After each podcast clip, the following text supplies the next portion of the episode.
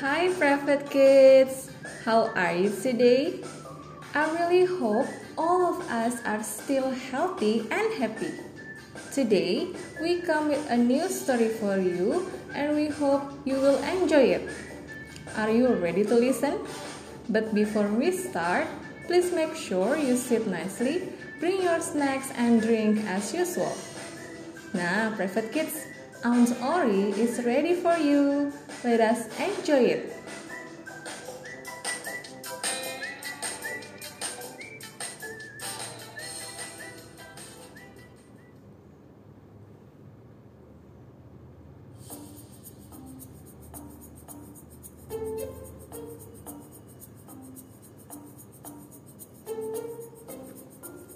Once upon a time, there was a boy whose name was Jack, and he lived with his mother on a common.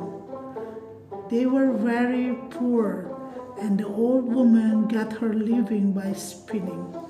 But Jack was so lazy that he would do anything but bask in sun in the hot weather and sit by the corner of the hearth in the winter time.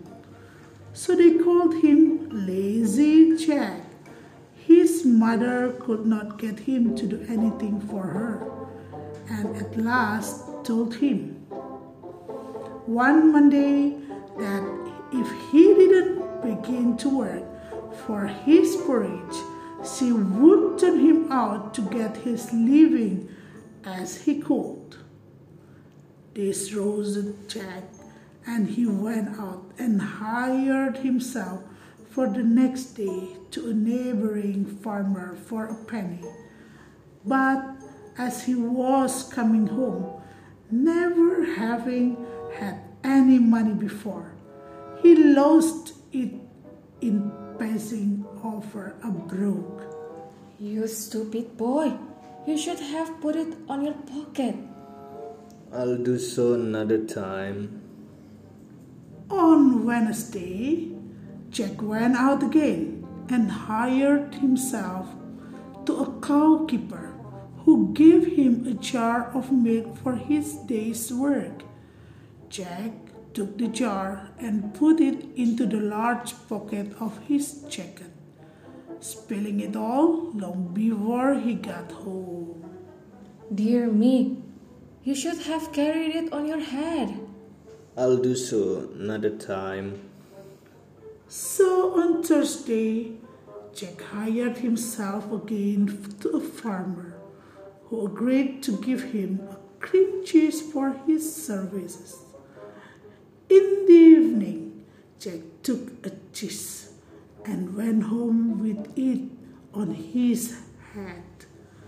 By the time he got home, the cheese was all spoiled, part of it being lost and part made with his hair. You are damn loud. You should have carried it very carefully in your hands. I'll do so another time.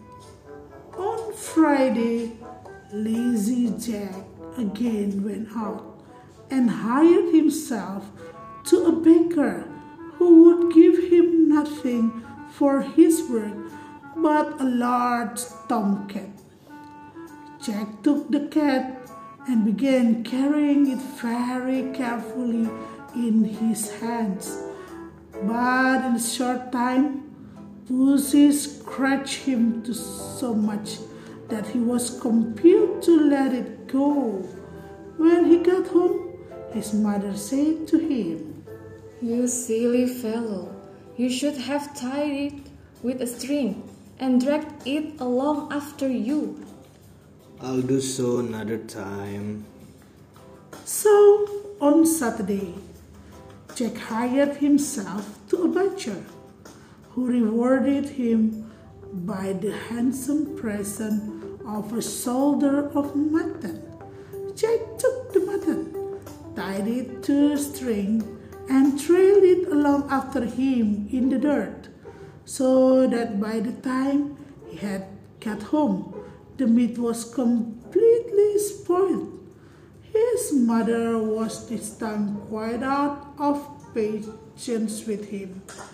For next day was Sunday, and she was obliged to make do with cabbage for her dinner. Ah, you ninny hammer. You should have carried it on your shoulder. Hmm, I'll do so another time. On the next Monday, Lazy Jack went once more and hired himself to a cattle keeper who gave him a donkey for his trouble. Jack found it hard to hoist the donkey on his shoulders, but at last he did it and began walking slowly home with his prize. Now it happened that in the course of his journey there lived a rich man with his only daughter, a beautiful girl, but deaf and dumb. Now she had never laughed in her life, and the doctor said she would never speak until somebody made her laugh. This young lady happened to be looking out of the window when Jack was passing with the donkey on his shoulders, with the legs sticking up in the air, and the sight was so comical and strange that she burst out into a great fit of laughter and immediately recovered her speech and hearing. Her father was overjoyed and fulfilled his promise by marrying her to lazy Jack, who was thus married a rich gentleman.